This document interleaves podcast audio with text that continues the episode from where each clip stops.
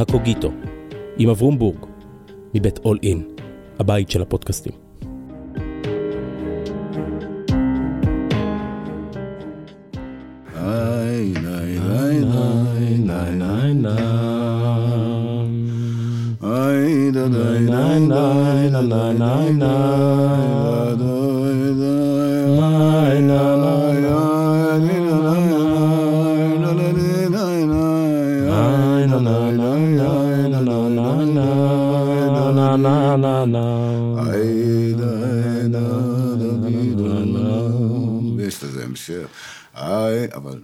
שלום שולי. שלום, שלום וברכה, אברהם.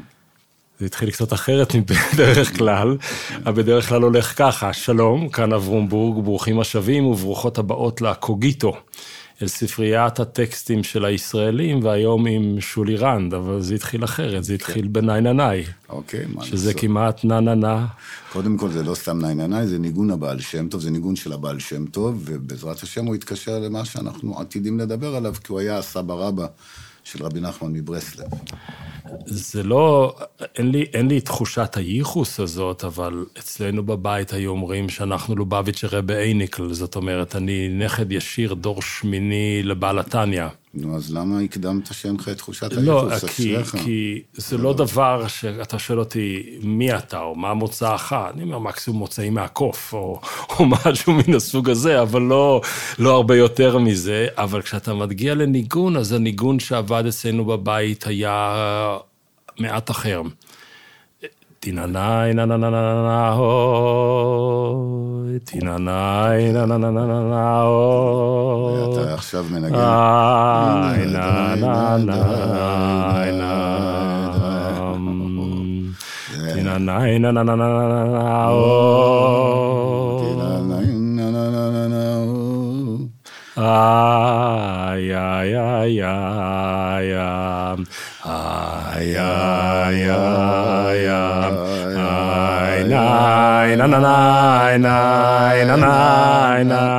לא, בקיצור, זה. ניגון ארבע בבות.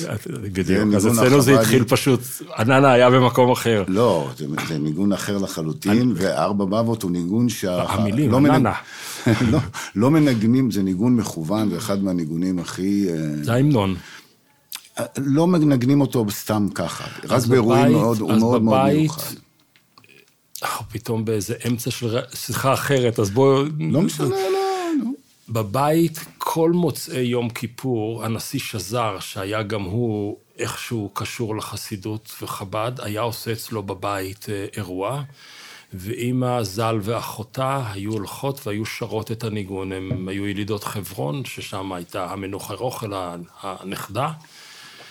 של בעל התניא, וזה השיר שהם היו שרות שם רק במוצאי אז יום תגיד לי, הכיפורים. אברהם, תגיד לי, איך אתה לא קופץ על זה ו- ועוד אומר לי שמה שלהגיד זה מוצאך מהקוף? בחייך. אבא היה אומר, היו שואלים, כשבא הילד הביתה ושואל, מה למדת היום בבית ספר? אז הוא אומר, למדתי שאדם מוצאו מן הקוף, אומר לו, אבא, אתה, לא אני.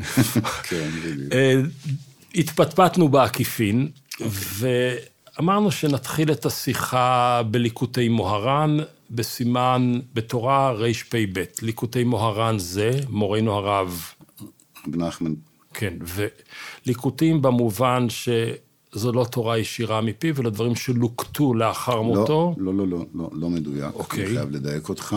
קודם, את ליקוטי מוהר"ן כתב מפיו.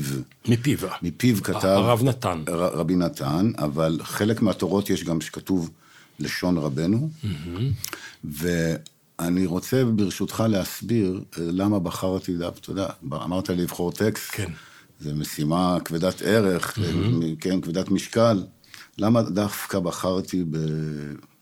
ברבי נחמן מברסלב, וגם ב... למה בחרתי דווקא בתורה רפ"ב, שהיא תורה שונה קצת בתוך הליקוטי מוהר"ן. אז קודם כל בחרתי ברבי נחמן מברסלב, כי כשאמרת לי שהטקסט הכי משמעותי, אז, אמ, אז אין מה לעשות. הטקסטים של רבי נחמן מברסלב, בכל, זה עושר עצום, זה לא רק ליקוטי מוהר"ן, זה ליקוטי הלכות, זה, יש גם שורשים של זה, ליקוטי תפילות, זה הדבר שאני הכי מקבל ממנו, והכי שואב ממנו, והכי אה, משתנה דרכו. ותורה רפ"ב, שהיא תורת יסוד בברסלב, היא תורת יסוד. עליה אמר רבי נחמן מברסלב שמי שילך עם התורה הזאת ינצח את המלחמה הגדולה. והיא נפתחת במילים דע. כי צריך לדון את כל אדם לכף זכות, ואפילו מי שהוא רשע גמור, צריך לחפש ולמצוא בו איזה מעט טוב. שבאותו המעט אינו רשע. אינו רשע. זאת אומרת, אם ניקח רק את האבן הראשונה בחומה הזו, הוא אומר, אין דבר כזה רע מוחלט אצל האדם. הוא טוב לכלב שלו, הוא טוב לחתולה שלו, הוא טוב לילד שלו, הוא טוב היה להורים שלו. לך למעט הטוב הזה ואותו תגדיל, כי זה המקום המצומצם שבו היחיד הזה שנתפס כרשע מרושע, שם הוא לא היה רשע. ומהמקום של הטוב הטהור שלו, תתחיל לבנות מחדש את היחס אליו, או את ההתייחסות איתו. באמת, זה פחות או יותר. אבל אתה יודע, אז יש גם משנה באבות שאומרת, הווה דן את כל, כל אדם לכף זכות. זה לא איזה חידוש גדול. יש בתורה הזאת, בכלל, בוא נדבר קצת על ליקוטי מוהר"ן. Mm-hmm. ליקוטי מוהר"ן זה ספר מופלא. זה ספר למדני, זה ספר שכל התורה פרוסה בו. זה ספר שהוא גם מאוד וירטואוזי. הוא מאוד מושך את ה... למי שאוהב את הלימוד, אתה רואה איך בן אדם יכול לחבר את כל התורה כולה, איך רבנו קושר מילים, חצאי מילים, חצאי רעיונות. זה, זה נורא יפה, זה כמו איזה טווס כזה עם נוצות מאוד יפות. רבי נחמן מברסלב ידע את הדבר הזה, והוא הזהיר אותנו, התלמידים שלו, הוא אמר, תשרפו את כל הספרים שלי, ואל תעברו על סעיף אחד בשולחן ערוך. למה הוא אמר את המשפט הזה? למה הוא אמר את המשפט הזה? תשרפו את כל הספרים שלי ואל על סעיף... כי הוא ידע את הסכנה שיש בתורות שלו, לקחת אותך לכיוון שהוא לא פרקטי, הוא לא ריאלי, הוא לא של שינוי. הוא ידע שאפשר, מה שנקרא, רק ליהנות מזה, כמו הנאה אינטלקטואלית, אתה יודע, ללמוד דף גמרא, גם אם אתה דתי, גם אם אתה לא דתי, מי שיודע ללמוד דף גמרא זה תענוג, זה עונג, mm-hmm. זה פשוט תענוג. אותו דבר גם בליקוטי מוהר"ן. והוא מאוד מאוד הזהיר אותנו על, ה, על המעשיות. איך להוציא מכל דבר כזה משהו שיכול לשנות אותך. לי אין הרבה זמן, אברום. לי האדם לי, בעולם, לי, לי, או לי, לי שולי. לי. אין הרבה זמן. אני חייב להת, להתעסק בטקסטים, כולל פרקטיות, משהו שישנה אותי. משהו שיעשה אותי בן אדם קצת יותר טוב, או שיטתי, בן אדם שיותר קרוב לקדוש ברוך הוא, או בן אדם שממלא את התפקיד שלו בעולם הזה. ואצל רבנו יש סכנה סלח לי שאני אומר רבנו. לא, לא. ניגענו ניגון, זהו, אתה תפוס. כן, ניגענו ניגון. זהו, אתה תפוס. אצל רבנו ישנה, קיימת סכנה שאתה תיקח את זה לאזורים למדניים, או לאזורים אפילו של גאווה. תראה איך אני יכול לדבר, מי שיודע לדבר תורות של רבי נחמן ברסלב, באמת, זה יכול להיות פעם. והוא כל הזמן מחזיר אותנו לפרקטיות, ובגלל זה בחרתי, זאת תורה מאוד פשוטה. יחסית, היא פשוטה להבין אותה אינטלקטואלית, אבל הכי קשה לביצוע. אתה יודע, זה מעניין, כי כשאני... אני לא יכול להגיד לומד, אבל כשאני מעיין ב... בתורת, בתורת רב נחמן, רבי נחמן, או ב...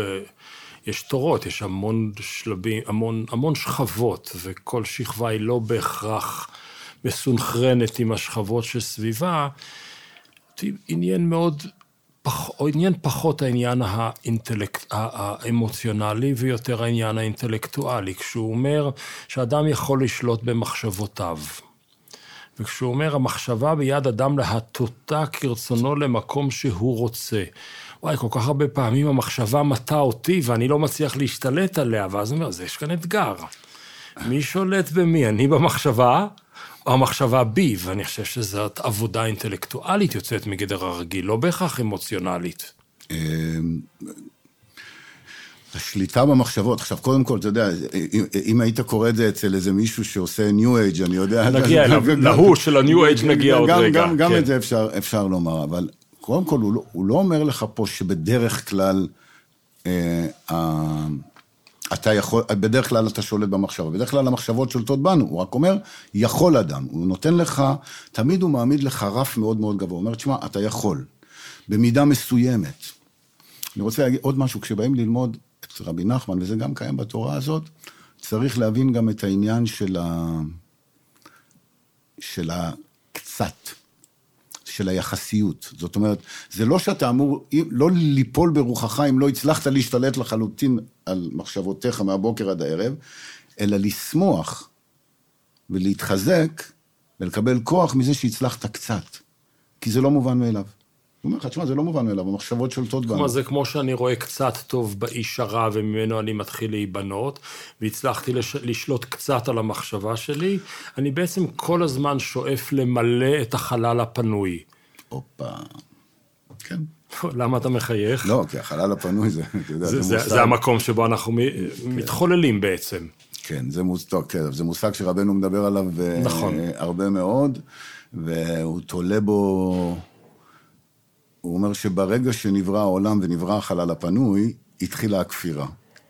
לא בכדי, שמתי את זה על השולחן כדי... שנייה, ש... באותה שנייה התחילה הכפירה. באותה שנייה התחילה הכפירה, כי מה כביכול, על פי... הקדוש ברוך הוא פינה. הוא יצר פרדוקס, הוא פינה את האור... צמצם עצמו. צמצם עצמו, פינה את האור לצדדים, כביכול כדי שיוכל להתקיים העולם, כי העולם הוא אין סוף, כן? גישם פה כל מיני דברים, אז כביכול הוא לא נמצא בעולם. מצד שני אומרים לנו שהוא נמצא בעולם בכל מקום, בכל, בכל מקום, בכל רגע ורגע, כן. ופה מתחילה הכפירה, השאלה הראשונה, כי זה פרדוקס. יש פה פרדוקס, שזה נקרא שאלות, אל תשאל אותי בברסלב, החבר'ה אומרים, כשמישהו שואל איזה שאלה, אל תשאל אותי קושיות מהחלל הפנוי, תעשה לי טובה. זה נשמע שאלות מהחלל הפנוי. רבנו מדבר על הדבר הזה הרבה, על הפרדוקס. בכלל, רבי נחמן מברסלב, זה כל הזמן עימות בין פרדוקסים. אני, אני, אני, אני לפעמים חושב שהמקום המינימלי הוא נכון, כי הוא נקודה צנועה ללכת ממנה וכל הישג הוא עצום. ומצד שני, יש אמירות טוטליות כל כך קשות, מצווה גדולה להיות בשמחה, תמיד. להיות בשמחה אני מבין, מצווה גדולה אני מבין, לא. תמיד. הקושייה קודם כל זה במצווה. כי זה לא מצווה, זה לא כתוב בתרי"ג. לא כתוב, לא. שנייה, זאת אמירה. זה מדרבנון. עכשיו אני רוצה להגיד לך... זה שמחה מדרבנן, שמחה מדאורייתא, חוץ מהיית שמח. אז אני אומר, מצווה גדולה להיות בשמחה, תמיד זה לשאוף לשם. הרי ברור שהעולם כולו הוא מלא עצבויות, מלא את כל הסיבות הטובות לא להיות בשמחה. כל הסיבות הטובות, יש לנו גוף שהוא הפך השמחה, יש לנו רצונות שהם הפך השמחה. אז הוא אומר, תשמע, מצווה גדולה להיות בשמחה תמיד. מה הפירוש תמיד? גם בסיטואציות שהמציאות מכחישה את האפשרות לשמחה. אני אסביר לך. בדיוק, תצייר את זה. להיות בשמחה כשאתה הולך לחתונה של הבן שלך, טבעי. זה פשוט. אבל להיות בשמחה כשאתה... הולך ללוויה של מישהו אהוב. זה בסדר, זה קצת קיצור, כן, אבל כש... כי יש גם עניין להיות עצוב בלוויה, אבל אני אומר, להיות בשמחה כשהחיים הפוכים לך, להחזיק את השמחה דווקא כשאתה נמצא במצב שהמציאות מכחישה שמחה. רבי נתן אומר, בליקוטי הלכות, הוא אומר ככה, שלמות השמחה זה ההיפוך.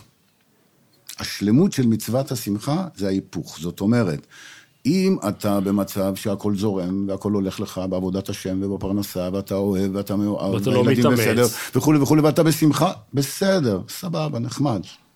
כל הכבוד, יש גם כאלה שגם יש להם את כל הסיטואציות, גם מבואסים. מסתובבים מרירים. כן. זה יפה, זה יפה. כן. אבל להיות בשמחה תמיד, גם כשהמציאות טופחת על פניך. אז מה לא אתה אמרת שאני רוצה, אני, שולי, רוצה להיות איש מעשי? איך קורית מעשיות של שמחה מתוך עצב, או שמחה בתוך עצב? קודם כל מודעות. דבר ראשון מודעות. לא, לא לדעת מה קורה פה. להבין מה קורה פה, מה הקדוש ברוך הוא מזמן לי, מה הסיטואציה שלי. קודם כל מודעות. מודעות לנזק של העצב, מודעות לזה שאתה חייב לתת פה מלחמה, ויש לזה הרבה טכניקות. רבי נחמן מברסלר, יש הרבה פרקטיקות של התבודדות, של תפילה, של אה, אה, אה, דברים שיכולים לשנות ולהפוך את המצב של הבן אדם. להגיד לך שזה מצליח? 90 אחוז מהזמן לא. אבל התהליך הוא בעל חשיבות. קודם כל התהליך הוא בעל חשיבות, וגם הקצת שזה מצליח, נותן לך הרבה הרבה, אתה יודע, אני לא רוצה לעשות פה שיחה כביכול להישמע כמו איזה... אה, המשימה שלי זה לא להחזיר אותך בתשובה. אני לא, זה לא הסיפור שלי, אבל... ה... יש עניין למשל, אתה יודע, אם, אם לא מאמינים בתפילה, אז בסדר, אבל אם אתה מאמין בתפילה, אם אתה מאמין בכוח שלהם, אתה מאמין בחשיבות שלהם, אתה מסוגל לעשות את זה, קשה מאוד להתפלל. מי כמונו יודע כמה קשה להתפלל. מת, מת, מתמקדת לזה כל שאלת האמונה. אתה יודע, אני בפעמים הראשונות שהייתי הולך לשדה. אוקיי. בסדר. היה משאיר בשדות. הייתי, הייתי, הולך לש, הייתי הולך לשדות, ובפעם הראשונה שהלכתי לשדות ושמעתי חסידי ברסלב צורכים, אמרתי, שולינקראט, אתה, משוגעים? אתה, אתה, אתה מבני ברק, אתה, אתה, אבא שלך, מה, מה, מה... אבא שלך היה רציונליסט. מה, מה אתה, כן, מה אתה עושה פה ב, ב, במקום הזה? מה אתה עושה פה במקום הזה? אה, רגע, בוא נעצור פה, למרות שהוא סמטה, אבל בוא נגיד, זה סמטה שאנחנו רוצים להיכנס אוקיי, אליה. באה החסידות לעולם אחרי משבר גדורי מאוד מאוד גדול, אולי אפילו יותר ממשבר אחד. יש גירוש ספרד, ואחרי כן שבתאי צבי, יש טרגדיות עצומות, ואז הזמן יותר איטי, זה לא כמו היום שאם תוך דקה לא ענית לאיזה הודעה, אז לא, זמנים הם של מאה שנה, ארבעה דורות. ולתוך כל העצב הקולקטיבי הזה והשינויים שקורים בעולם כולו, נכנסת החסידות כאלטרנטיבה. במובנים רבים, היא לוקחת את היהודי והיהדות מבית המדרש הקצת מעופש אל השדות. אוקיי. יש אוויר, יש טבע, יש איזו התחברות למשהו נשגב, שהוא לא רק הדף הצהוב עם הריח המאוד מסוים שלו, יש גם לפריחה ריח, יש גם לסתיו ריח, יש גם לגשם טעם. והיום אתה מסתכל על המציאות החסידית, ואתה אומר, חזרו מהשדות אל החדר הסגור. הכל מסוגר, הכל לא... אין שום דבר פתוח שם, שום דבר לא מאוברר. אני מדבר על הסוציולוגיה, לא על היחיד. אני מבין את השמחה העצומה של אברום ושולי במאה ה-17 וה-18, יוצאים החוצה אחרי ששלושת אלפים שנה סגרו אותנו. איפה אני יוצא החוצה בבית ישראל היום? איפה אני יוצא החוצה ברחוב רבי עקיבא בבני ברק? ואיפה השדות שלי? אוקיי. קודם כל, זאת, זאת הבחנה מאוד מאוד מעניינת, אם כי אני חייב לעשות סוגריים ולומר שהחסידות היא לא הייתה איזו תנועה שאמרה לבני אדם, תצאו ל... ל זאת אומרת, תצאו לנופש, לשדות, תנשמו אוויר, זה לא זה, היא אמרה, היא בעיקר דיברה על היכולת לגלות את הקדוש ברוך הוא, זו הייתה הוסיפה המתנה. עוד מימד לחיפוש. כן, והיא גם נתנה כוח לאנשים שהמציאות לא אפשרה להם להתחבר דרך הספר, דרך התורה, והיו בסכנת הכחדה רוחנית, ואמרה להם, תשמע, אתה ברגע אחד, אתה ברגע אחד, אתה, מי שאתה, איפה שהיית, כמה שאתה שפל, נמוך, זה שאתה לא תלמיד חכם, לא יודע תורה, בקושי יודע לקרוא, אתה ברגע אחד, השורש של החסידות אומר, כל יהודי, בכל רגע נתון, יכול זה הילד שמכניס את האצבעות לפה כן, זה ושורק הסיפור, לפני ארון הסיפור, זה הקודש, הסיפור הקלאסי. וזו כן. תפילתו. כן, רחמנא ליבא ביי, הקדוש כן. ברוך הוא רוצה את הלב שלך. כן. לב שלך יש לך, ואתה יודע משהו? רחמנה זה- רחמנה זה אלוהים, כן. ליבה- את הלב, ביי הוא רוצה, הוא אלוהים רוצה את הלב, כן. ולך יש, לכל, יש לך לב, ולא רק שיש לך לב, באה החסידות ואמרה, יש בך נקודה אלוקית. איך בי יש נקודה אלוקית? אני כולי מטונף ומגדל חזירים באיזה כפר באוקראינה. לא, יש בך נקודה אלוקית, והנקודה האלוקית שלך היא ייחודית, היא מיוחדת, אף אחד לא יכול להתקרב אליה. וזה היה, תשמע, זה עבד. עבד, אבל עכשיו אני... אז עכשיו- עכשיו- תיסע בזמן. אוקיי. הרי אני יכול להגיד לך, שולי, תקשיב, אתה מקסים, אבל אתה 200 שנה מחוץ לזמן. או לפני הזמן הבא, או אחרי הזמן הקודם, אבל איפה אתה ביום, בזמן הזה? אז אני אגיד לך, כאילו, אני מבין לאן אתה לוקח את זה, אבל... אבל אני כאילו יותר, יותר מחובר לעניין של, ה, של עיקרון. אוקיי, אתה יכול לבוא ולהגיד לי, תשמע, תראה, כמה חסידים מיובשים יש, כמה חסידים חוטאים לסיפור של החסידות, תראה איך הכל סגור, הכל הפוך ממה שזה וזה, ואני אגיד לך, לא, לא אכפת לי. אתה יודע, כשחזרתי בתשובה, אני גדלתי... מזרוחניק. מזרוחניק. וראיתי כל מיני עיוותים, אני הייתי אדם קיצוני באופי שלי. וראיתי כל מיני... הייתי במובן שכבר עבדת על לא, הנושא? אני, אני, עדיין, אני עוד אני. עדיין אדם קיצוני, כן. אבל, אבל בתור ילד, כאילו, כל מיני דברים אה, אה, אנושיים זרמו לי, הניגוד בין התנהגות אנושית.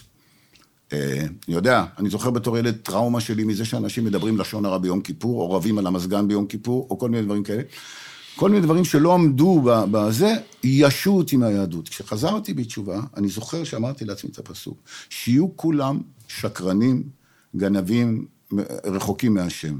זה לא מעניין אותי, אני מחפש את הזה. אז אתה מדבר איתי על... אני, מה זה הזה? אני מחפש את האמת, את אוקיי. האמת, את הדבר, ה- את הזה. יש חמישה כאלה, זה, זה, אני לא מתעסק כאילו בסוציול... החשיבה הסוציולוגית-חברתית, לראות כל מיני דברים כאלה, זה לוקח אותי אחורה. כן, אתה יודע, אני בן אדם של... הלוואי שהייתי בן אדם של 200 שנה אחורה. הלוואי שהייתי בן אדם של 200 שנה אחורה, כי שם יש את הרעיונות. כי הסביבה הייתה יותר מאפשרת להגיע, היית יכול ללכת למרחקים יותר גדולים. יכול להיות, כן. הכל היה יותר פשוט, לא היה לי את הטלפון הארור הזה, לא היה לי שום דבר שיזיז אותי, לא היה לי שום דבר, יכול להיות, כן. אני תמיד אומר, בדורות הקודמים היה להם הרבה יותר קל לעבוד את הקדוש ברוך הוא. לנו זה קשה. סליחה שאני מדבר בלשון לנו. איך תזכור מאין באת כשאתה לא זוכר לאן אתה הולך? אני יתוש קטן מלמטה. אתה אומר שוין, אבל בלבך שד מיער מולך. אתה יודע, זה, אתה הקראת עכשיו מתור שיר שלי שנקרא כן. צדיק. כן. ודווקא על השיר הזה בברסלב, תקפו אותי. וואו. אמרו- דווקא על זה דווקא. שזה הביטוי אני- הכי מדויק לא, שלהם. לא. הם אמרו לי, כל השיר הוא שיר כביכול מוסר.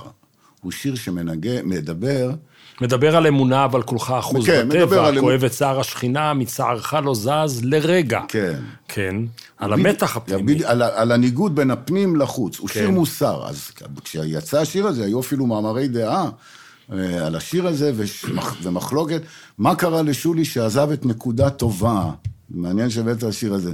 מה קרה לשולי שעזב את הדרך של רבי נחמן מברסלב שמחפש נקודה טובה והולך לרדיפה עצמית כביכול? מעניין, אני ראיתי בזה רק את החיפוש טוב. אבל- זאת אומרת, במשפט שאומר, במשפט שאומר, אה, אה, איפה זה, אה, אתה אומר, משנתך סדורה, ברורה. זו נקודה נורא טובה. אני, אין לי משנה ברורה. אני כל היום מחפש. אני מנוע חיפוש. לא, אבל הוא תוקף את ה... הוא אומר, משנתך סדורה ברורה, אבל בפנים, אה, אני כבר לא זוכר את ה... את ה- לא משנה.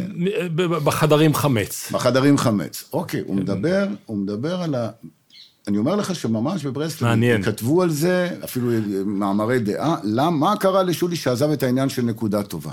אז תראה, זה מאוד דומה למה ששאלתי, יוצאים לשדה או נסגרים חזרה בדוגמה.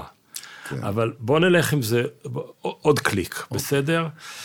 יש חסידות אחת, שהיא חסידות בת ימינו ודאי, של הכריזמה של הצדיק. האם זה הגרר רבה, האם זה הטויטר רבה של הלובביצ'ר, שהכריזמה שלו גם לאחר מותו עוד מפעמת. האדם הוא בעצם, או הצדיק, הוא, ה... הוא הממסר ביני לבין הנשגב. ויש בתוך החסידות גם כריזמה של תוכן. אני אתן לך דוגמאות למה זה כריזמה של תוכן. ליקוטי מוהר"ן זה כריזמה של תוכן. אתה בעצם כבר לא צריך את רב נחמן בשביל תורת רב נחמן. את, השליחים של לובביץ', אתה לא צריך את הלובביץ' רבה, כי הם בעצם בכל מקום נושאים את הגרעינים, גרעינים, גרעינים, נשאם לבבי, הם נושאים את המסר, המוזיקה של קרלבך. אתה כבר לא צריך את, ה, את האדמו"ר המזמר, כי המוזיקה כבר עושה את העבודה. זאת כריזמה של תוכן. ואני אטען, לא לך, נגיד, אם נעשה בינינו איזשהו שקלא וטריא, אני אגיד שיש חסידות שהיא עדיין של חסידים שהם רובוטים, והם צריכים את הרבה שיפעיל אותם, ויש חסידים שהם אוטונומיים, כי יש להם את הכריזמה של התוכן. אוקיי, אני, אני אגיד כמה דברים על מה שאמרת. קודם כל, באמת, רבי נחמן מברסלב, הדעת שלו, הוא קיים, הוא קיים בתוך הספרים שלו. כן. כמו שרב שלמה קרליבך, להבדיל אלף אלפי הבדלות בכל זאת, אה, קיים בתוך השירים שלו. מה אתה הכי אוהב של קרלבך? אה, סליחה על ה- שפחי כמה... עם ליבך, אני אוהב אחד אחר, אפשר? בטח. משה ואהרון הם בכהניו, ושמואל בקוראי שמו. אבל זה לא שיר, זה מהתפילה, מידע. אבל זה פרשנות של הטקסט עם המוזיקה, מי כמוך יודע איך מוזיקה זה רש"י. אבל אוקיי, סליחה, אוקיי. חזרנו. אז הוא קיים, רב נחמן קיים במילותיו. קיים, כן, בדעת שלו. כן. בדעת, mm-hmm. בדעת העצומה שלו ובדעת שהשאירו התלמידים שלו, ובדעת שלו יש גם תורה שבעל פה בתוך ברסלב, ובדעת שלו שעוברת אה, מדור לדור. אני אגיד לך משהו, יש, כל העניין הזה של הצדיק, בעידן, בעידן הזה, יש הרבה אנשים שמעקמים עליו את הפנים, כביכול בגלל חס ושלום, שיש בזה אלמנטים של עבודה זרה. אתה, לך לקדוש ברוך הוא, מה, אני, מה אתה הולך לאדם? יש עם זה גם טעויות מאוד מאוד גדולות. לנגד עינינו. אה, לנגד עינינו, יש בזה הרבה הרבה טעויות של אנשים שמבלבלים את המושג של הצדיק, וזה מושג שקשה להסביר אותו הרבה יותר מאשר אה, את הקדוש ברוך הוא. אולי, אולי אפילו הצדיק לא תמיד יודע מה הוא. זה גם יכול להיות, אבל אני אגיד את זה מכיוון אחר. בפנימיות, בפנימיות של הבן אדם, הוא אומר, אני הצדיק. זה אני. היחיד הבודד? זה לא, זה אני, כן, זה אני הפוטנציאל. אם הייתי גדל בתנאים הנכונים, אם הייתי צאצא של הבעל שם טוב וגדל שם, זה אני. זה אני, ולכן קשה מאוד. וואו, איזה אגו. קשה מאוד, לא, זה לא, זה לא איזה אגו, זה לכל אחד. יש בפנימיות שם בעצם. שהוא בן מלך. בגלל שזה בן אדם. הקדוש ברוך הוא, אתה אומר, אני לא יכול להגיד, אני הקדוש ברוך הוא. אז דמו לא סמוק מדמי. אז כן, זה אומר, באיזושהי צורה, בסדר. קשה להסביר את הנקודה של הצדיק, בלי ליפול גם בעידן הפוליטיקלי קורקט, לכאילו לעבודה, להגדרות של עבודה זרה, ולהרחיק בכלל מכל העניין של הצדיק. אספר לך סיפור שמבחינתי כאילו סגר את הפינה הזאת. הרב אורי זוהר, זיכרונו לברכה, mm-hmm. שאני מאוד הערכתי אותו ואהבתי אותו, ו... וראיתי את ה...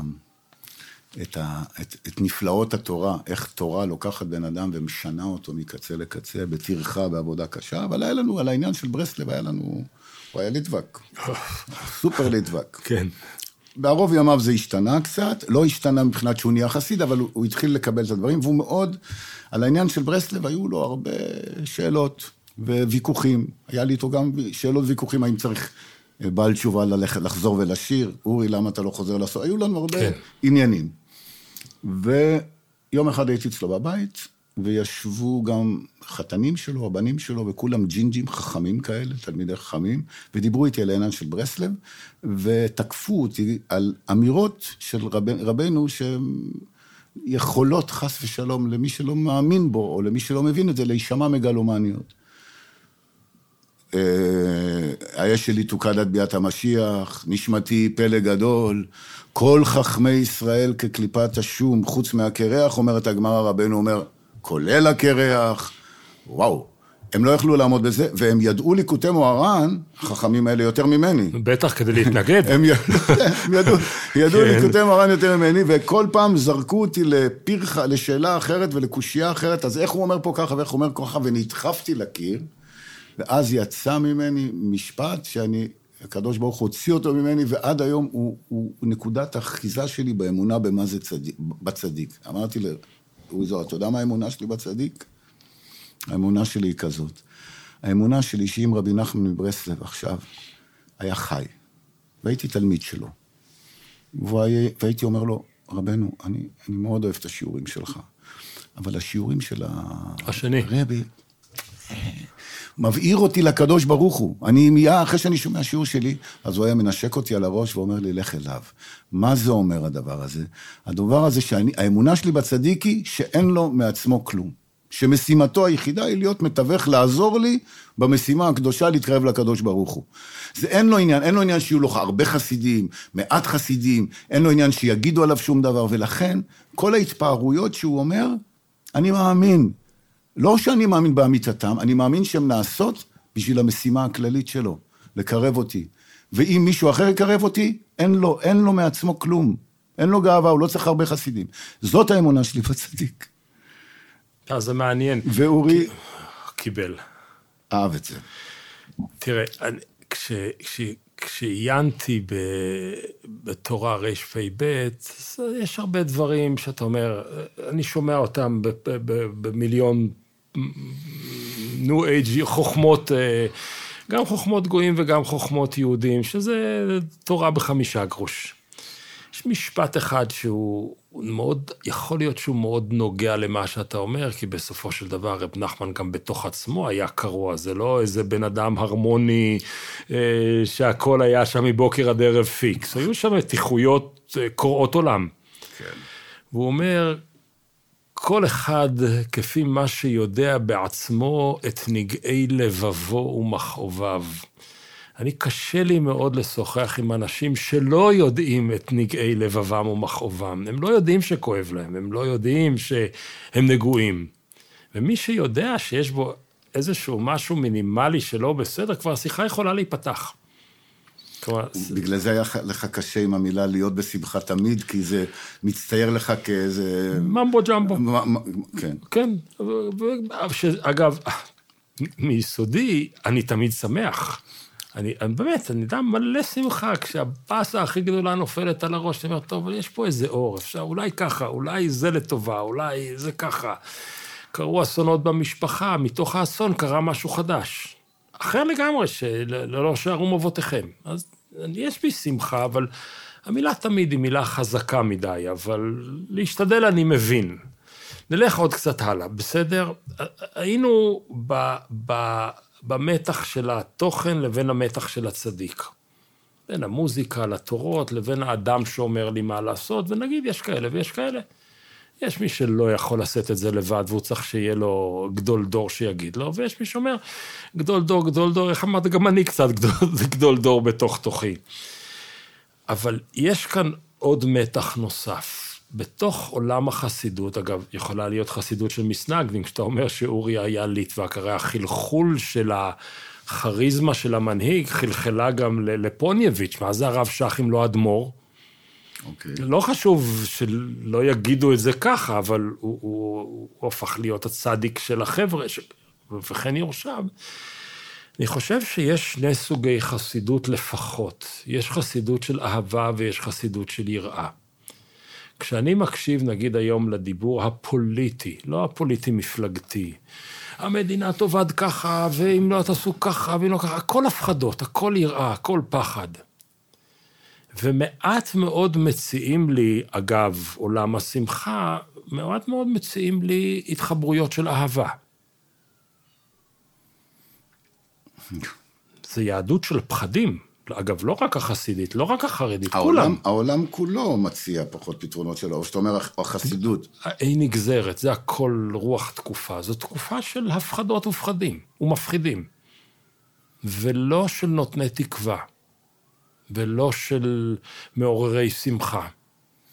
אז uh, אני מצטער להגיד לך, אם, אם נתייחס לומר שלא לא המציאות, לא התרגום שלה, אבל אם בספר הזה שאני מחזיק עכשיו ביד... שזה ליקוטי מוהר"ן קטן, מהדורת כיס. או כל אחד, מליקוט, כן. כל אחד מספ, מ, מ, מספריו של רבי נחמן מברסלב, אין סוף לתקווה. אין סוף לתקווה. זה, אתה שואל אותי, למה, למה כל הבעלי תשובה נמשכים לחסידות הזאת שהייתה כבר גמורה וסגורה? אחרי מלחמת העולם השנייה היא כמעט ולא הייתה, לא בארץ ולא בעולם, כן. איך קרה שזה נהייתה חסידות, איך כולם נמשכים לדבר הזה? בעיניי השורש הוא, זה התקווה.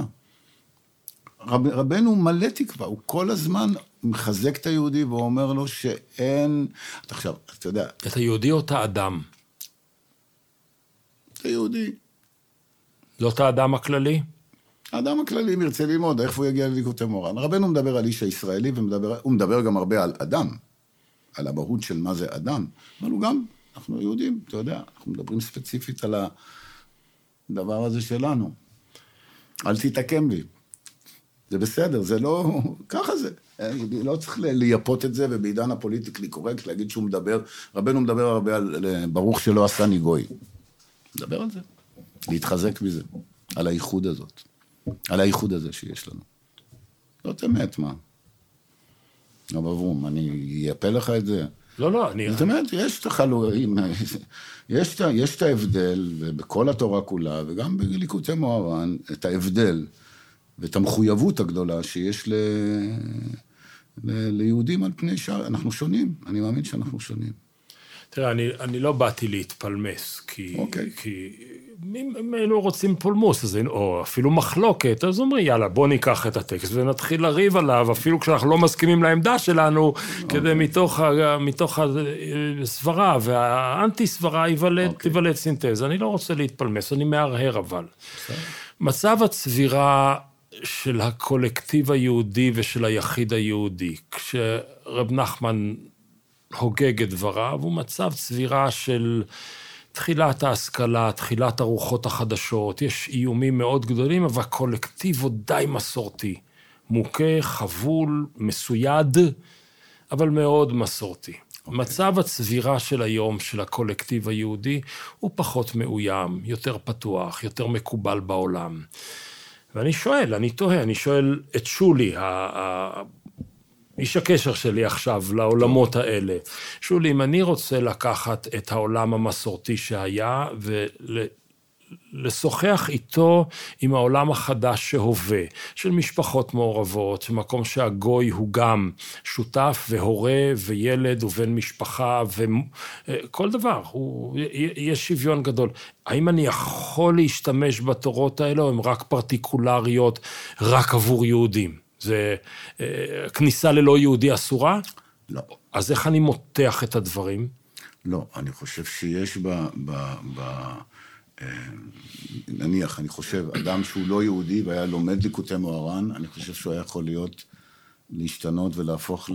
זאת אומרת, יש פה כלים... פה זה הסטארט-אפ שלנו. מה? יש פה כלים, יש פה כלים לכל העולם, אה, לכל אדם, יש פה דברים שהם ברמה עקרונית של אדם מעבר לעניין של היהודי. אבל זה כן עוסק, זה כן אמור להביא את היהודי לעשות את חובתו, או להתקשר לקדוש ברוך אני הוא. מקבל, בשביל זה זה נכתב. בסדר, המשימה המקורית אני מבין. האם יש פוטנציאל, כי מציון תצא תורה ודבר השם מירושלים, ביום ההוא נכון יהיה הר בית השם בראש וכולי וכולי וכולי. בצד האוניברסלי של היהדות, יש צד פרטיקולרי, מאה אחוז, יש גם צד אבל כללי, בבחינת אה, אה, היום הרת עולם, היום יעמיד למשפט כל כל יצורי עולמים. יש לנו את הצדדים האלה. כי ביתי בית תפילה יקרא לכל העמים. האם ייתכן מצב שיום אחד, יום מדומיין קרוב או רחוק, שתורת המהר"ן, מוהר"ן עבור המערב תהיה כמו תורת בודהה, שבשנות ילדותנו פתאום רינגו סטארים וכל מיני כאלה הביאו את תורות המזרח ובעצם שינו את המערב. האם יכול להיות שהתורה הזאת תהפוך אבן פינה למערביות חדשה? ביום ההוא, אתה מכיר את התורה ההיא ואתה מכיר את העולם המערבי. כן, אני חושב שיש הרבה, אה, איך אומרים, יש הרבה נקודות, אה, אה, יש הרבה נקודות ממשק בין הדברים האלה, מכיוון שזה מתעסק ביסוד העולם, בדברים שהם ביסוד העולם. אה, אתה יודע, מה שאתה אומר עכשיו זה חזון אה, ביאת המשיח, שכשיבוא המשיח, כן, כל- העולם כולו ייכנס לממד הזה, שבסופו של דבר, גם הספר הזה מדבר עליו הרבה, לממד הזה שהוא אהבה, למעשה. אז אם אתה שואל אותי אם יש כוח בכל העולם, שבסופו של דבר זה האידיאל, אנחנו מאמינים בזה. אני אגיד יותר מזה, אני, יש לי כאן... עכשיו אני אשים את שלי. עד עכשיו הייתי סתם, אה, אה, סתם שאלתי שאלות, קלוץ קשס. עכשיו אני אגיד משהו שהוא משלי. אני חושב שהחסידות של זמנה ניסתה ולרבים גם הצליחה להציב תגובה יהודית שמחה, מלאת תוכן, פוזיטיבית, קונסטרוקטיבית, לנאורות ולהשכלה. הם איימו, הם היו כלליות, הם חדרו פנימה, כולם נשא הרוח, כולם לקח האור, איך זה? כולם... הרוח והאור עשו משהו אצל ביאליק, אוקיי?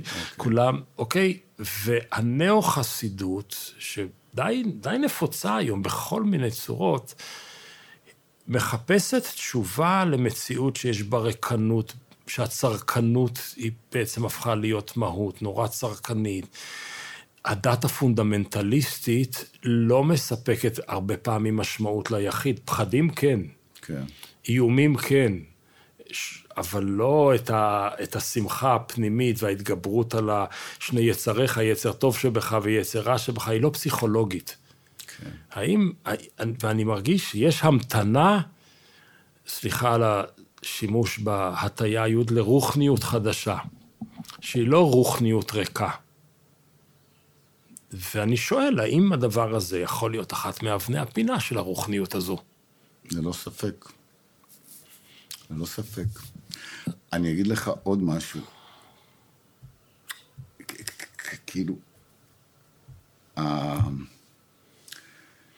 את הספר הזה, או את כל הדעת הזאת של רבי נחמן מברסלב, בעיקר את הדעת שלו שמחזקת, שכן פונה לחזק אותך ולתת לך תקווה. היחיד, נכון? גם את היחיד, הרבה, הוא מדבר הרבה על היחיד האינדיבידואל, אבל גם על הרבים. אבל אה, אי אפשר, ל, ל, אם אתה חושב, פה גם אולי נכנס משהו בשיחה בינינו, אני מאמין בזה. אני מאמין בזה מחוץ להקשר סוציולוגי, אני מאמין בזה כהתגלות אלוקית בספר הזה, זה הבדל. אם אתה חושב שרבי נחמן מברסלב אמר לך את כל החיזוקים האלה, הנפלאים, אם הוא אומר לך, תשמע, אפילו אם עברת את כל התורה כולה, אין ייאוש בעולם כלל, כל מיני משפטים... כלל. ב, כלל, כבר אנחנו נדבר על משפטים בנאליים. ולכן... נחמן מברצלב היה אומר, היה אומר... כן, הוא אומר לך כל מיני דברים כאלה. אם אתה חושב שזה רק איזה חיזוק, שהוא אומר, טוב... פיגום. המסכן הזה, כן, המסכן הזה אבוד, אבל בוא, בוא, שלא יאבד לך. תן לו צ'פחה כדי שלא ייפול... זה לא יעבוד עליך. אם אתה לא מאמין שזאת אמת, שאין ייאוש בעולם כלל. אתה יודע, עכשיו, יש כל מיני משפטים כאלה, שבאמת עם הזמן כבר נהיו, אתה יודע... אפשר לתלות אותם על המקרר. אמרת בחמש שקל. כן. אני שואל אותך שאלה. במשפט שהוא בחמש שקל, שכבר נשחק אלף פעם. יש אמת. אך העלמה, אני חולה על קלישאות. אני אוהב קלישאות. אתה יודע למה? כי הם לא סתם נהיו קלישאות.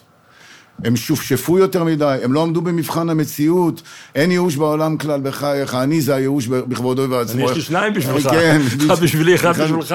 בדיוק, עכשיו, אז זה משפטים שכאילו...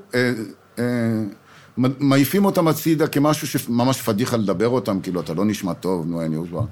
שמענו אותך, שמחה גדולה, מצווה גדולה להיות בשמחה תמיד. הבא דן את חברך לכף זכות, די, שמענו את זה. להיות בשמחה, רגע, אברהם.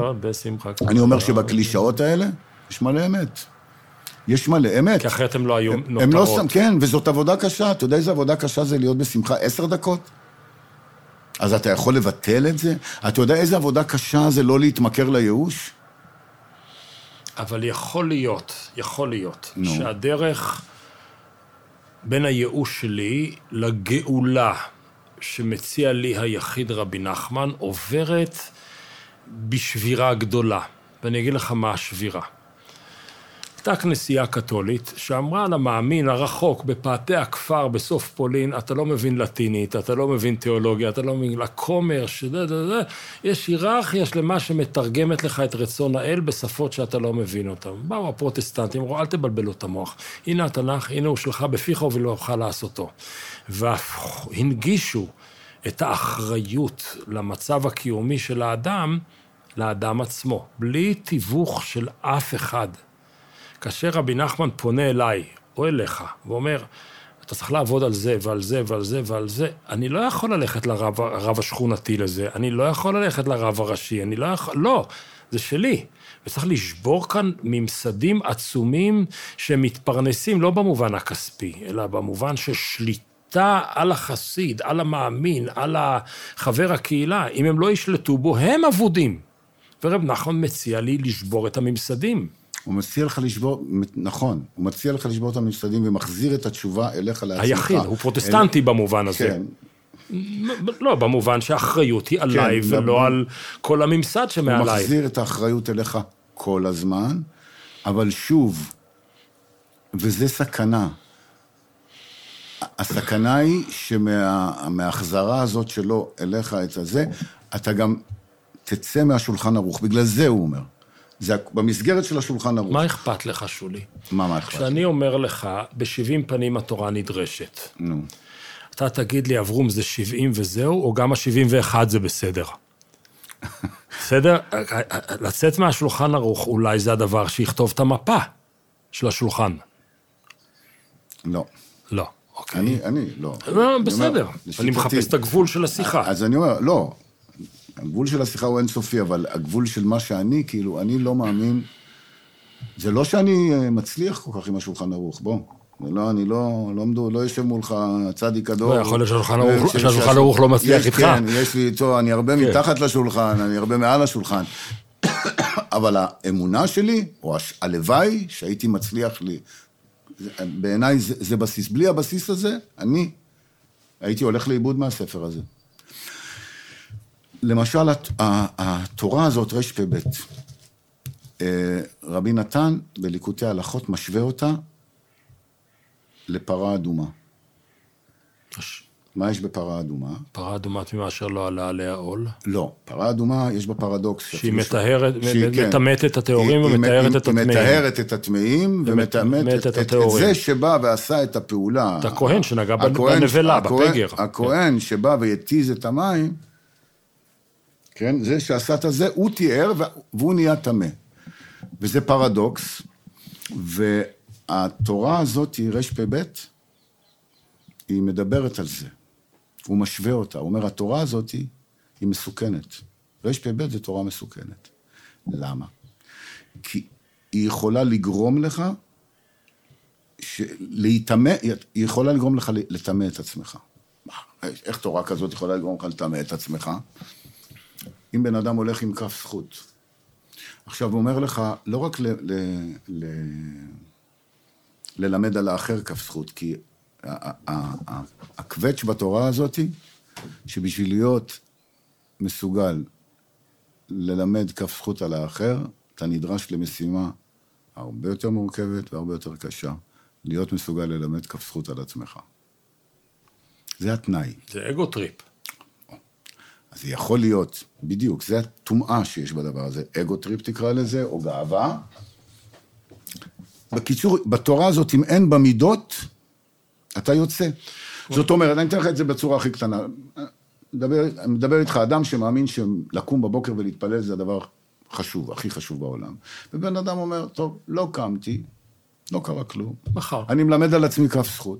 הקדוש ברוך הוא אוהב אותי גם ככה, וגם מחר אני לא אקום, כי זהו, אני טוב כמו שאני. בן אדם יכול להגיע מהתורה הזאת, מהלימוד זכות על עצמו, יכול להגיע, מה שנקרא, לעזוב את כל התורה כולה, שכפי שאמרתי לך לפני דקה, בעיניי זה מהות החיים. אז יש בתורה הזאת, בסכנה. סכנה. זה בדיוק מדבר על הגבולות אז שאתה... תן לי רגע להגיד את זה במילים שלי. אוקיי. אם אתה עושה את העבודה שמגיעה לכאבים ולחולשות שלך ואתה מודע להם, אתה נשאר בצניעותך ואתה יודע שאתה לא כל יכול, כי ת, ת- תראה עם מה אני עובד. כן.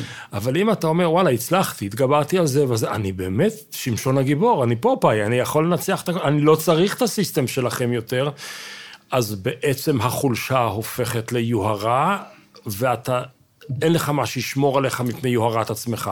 לא יכולת לומר את זה יותר טוב. זה בדיוק, זה בדיוק הסכנה שיש בתורה הזאת, ברש"ב, שיכולה להביא, לו- להוביל אותך אה, ל... שולי, שאתה תבעט במיקרופון? היא יכולה להביא, לו- להוביל אותך ל, ל, לשקר ולרפיון, וללכת לכל הנטיות שלך, שהן העצלות והגאווה, אתה יכול להגיד, בדיוק, הגדרת את זה מצוין. יש סכנה בתורה הזאת. תראה, אומרים שהנאו-חסידות זה חבקוק. אתה יודע מה זה חבקוק? חב"ד, חב"ד, ברצלב, אה, חב"ד, ברצלב, אה, חב"ד, ברצלב קוק. וקוק, חבקוק. אולי כן ואולי לא, אבל יכול להיות שאתה נתפסת לדבר הזה, ואני שואל שאלה שהיא פרסונלית, אבל אתה גם, אתה גם איש ציבור. בגלל הסוף. והסוף אומר כך, באמת אמרו, החזן רואה היכן התינוקות קוראים. החזן, דהיינו מי שיכול לעשות הניגונים הנ"ל, שהוא יכול להיות חזן או שליח ציפור, להתפלל לפני העמוד כנ"ל. אז איך מסיימים, איך שליח הציבור מסיים, באיזה נגינה הוא מסיים את השיחה שלנו? אה.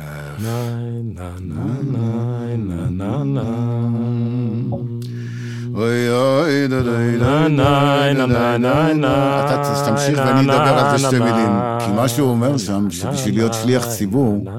ואני גם איזה חצי שליח ציבור בצורה מסוימת, אתה צריך ללמד זכות על, להיות מסוגל ללמד זכות על. כולם.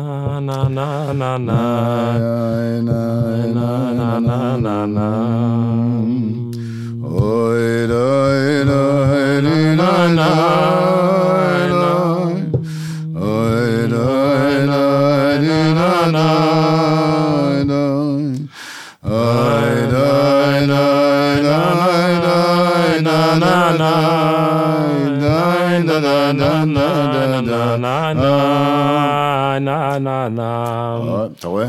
אני, אני, כשאני ארצה ללמד, כשאני ארצה ללמד עליך זכות, אז אני אגיד, חבר'ה, אברום בורג ישב אצלי בבית. וכשאנחנו ניגענו ניגון הבעל שם טוב, פתאום הוא עצם את העיניים, וכל החוכמה הגדולה זזה הצידה, וראיתי חסיד בפוטנציה. ככה אני מלמד עליך זכות. טוב, שולי, תודה רבה. תודה. נעמת לי. טוב.